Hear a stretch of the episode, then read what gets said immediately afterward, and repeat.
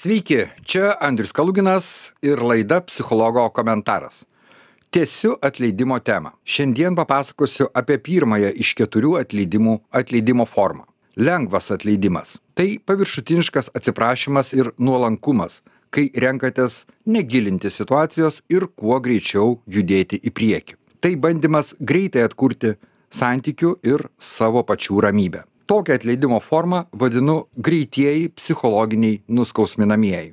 Lengvai atleisdami siekian siekiame išsaugoti santykius bet kokia kaina įskaitant savigarbos ir saugumo sutraiškymą. Toks atleidimas sukuria artumo iliuziją nors iš tikrųjų jūs nesprendėte problemos o skriaudikas nepadarė nieko kad pelnytų atleidimą. Nuslopindami skausmą ir nuoskaudą negalime įvertinti ir suvokti padarytos žalos. Jei per greitai ir lengvai atleidžiate tikėtina kad perdėtai sureikšminate gerus santykius su kitais. Toks atleidimas pasireiškia keliais elgesio būdais. Pirmasis prisitaikėlis. Tai totalus bet kokių konfliktų vengimas.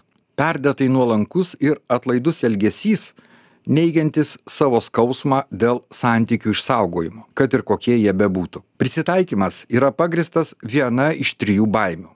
Pirmoji baimė kad skriaudikas labai supyks ar net smurtaus. Antroji baimė kad atsiribos ar jus paliks. Trečioji baimė atskleisti jam tiesą. Dėl šių baimių prisitaikėlis jaučia pareigą bet kokia kaina palaikyti gerus santykius. Kitas elgesio būdas pasyvus agresorius. Toks žmogus taip pat atleidžia greitai ir sudaro klaidingą įspūdį kad viskas yra gerai. Tačiau tai daro ne dėl tikrojo nuolankumo o dėl pažeisto ego. Todėl savo nepasitenkinimą rodo slaptai laukdamos progos įgelti ir atkeršyti. Sprendimas atleisti tėra tam tikra manipuliacija būdas atsilyginti parodyti savo galią ir pranašumą. Pasyvios agresijos taisyklė yra akis už akį. Kita elgesio forma kitas būdas yra aplinkybių įkaitas. Taip aš jį vadinu. Tai žmogus kuris savo jausmus ir mintis dangsto nepalankiomis aplinkybėmis ir todėl renkasi nieko nesureikšminti. Jis nežino ką darys su tiesa todėl verčiau nesigilins. Dažniausiai toks žmogus ir pyksta ir atleidžia tik formaliai paviršutiniškai nes jaučia kad ilgi aiškinimaisi jį vargina. Kitas elgesio būdas. Moralinis sadistas. Tai žmogus kuris mėgaujasi savo galia greitai atleisti ir palikti kaltininkui daugybę klaustukų be atsakymų. Tačiau lengvasis atleidimas žinoma turi savo privalumų. Taigi lengvojo atleidimo privalumai.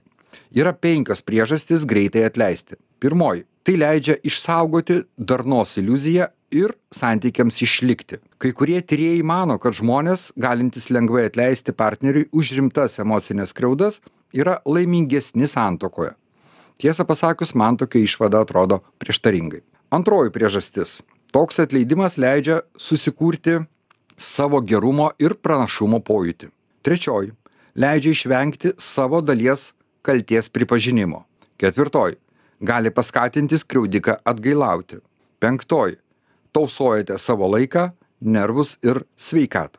Tačiau yra ir lengvojo atleidimo trūkumai. Pirmasis. Toks atleidimas gali išsaugoti jūsų santykius bet gali sugriauti tikrą tikrąjį artumą. Antrasis trūkumas. Lengvai atleisdami galite jausti savo moralinį pranašumą tačiau atveriate kelią manipuliacijoms. Trečiasis trūkumas. Be gilesnio savęs ir situacijos vertinimo nieko neišmoksite ir santykiai netobulės. Ketvirtasis trūkumas. Gavęs greitą atleidimą skriaudikas gali manyti kad turi teisę ir toliau taip elgtis. Penktas trūkumas. Toks atleidimas gali sukelti rimtą moralinę traumą. Taigi jei jūs renkatės atleisti lengvai puiku. Bet vis tiek raginu neneigti savo jausmų o pasidalinti jais su antrąja puse suteikti kitam žmogui galimybę suprasti jūsų skausmą. Taip parodysite pagarbą ne tik sau bet ir kaltininkui. Siūlau jums rasti drąsos tai padaryti.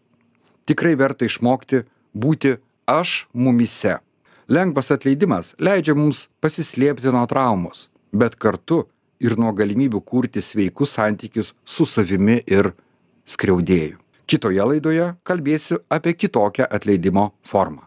Čia buvo andrius kaluginas laida psichologo komentaras. Ankstesnes laidas galite rasti žinių radijo laidų archyve. Ačiū. Gražios ir lengvos jums dienos